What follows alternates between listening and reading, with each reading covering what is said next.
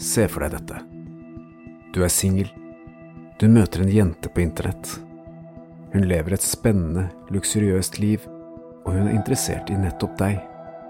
Dere snakker sammen i noen uker, og tonen er bra. Så dukker det opp en spennende mulighet. Hun kan hjelpe deg å tjene litt ekstra på å investere i kryptovaluta. Dette er helt trygt, og du vil få hjelp av profesjonelle hele veien. Dere kjenner hverandre godt nå, og du stoler på henne. Hva kan gå galt? Det var dette som skjedde med Jon.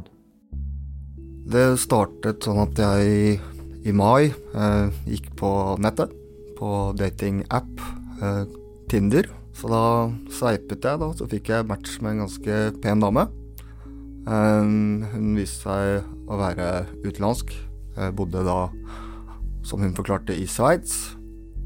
Så begynte vi liksom å skrive og ja, snakke, ha kontakt. Eh, om alt og ingenting. Noen måneder senere var alle sparepengene borte. Nei, da ble jeg fysisk dårlig.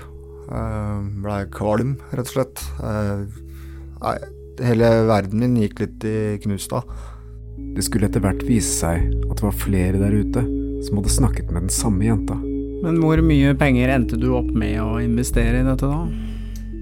Det endte vel opp med I utgangspunktet så var det nesten fire millioner. Og det stopper ikke der.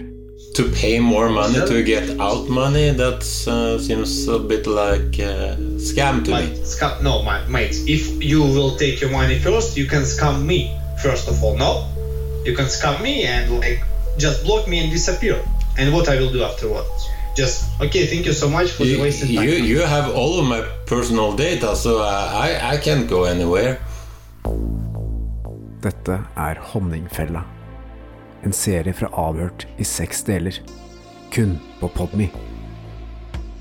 Hør Honningfella og andre eksklusive episoder av Avhørt på Podme. Nye episoder hver mandag.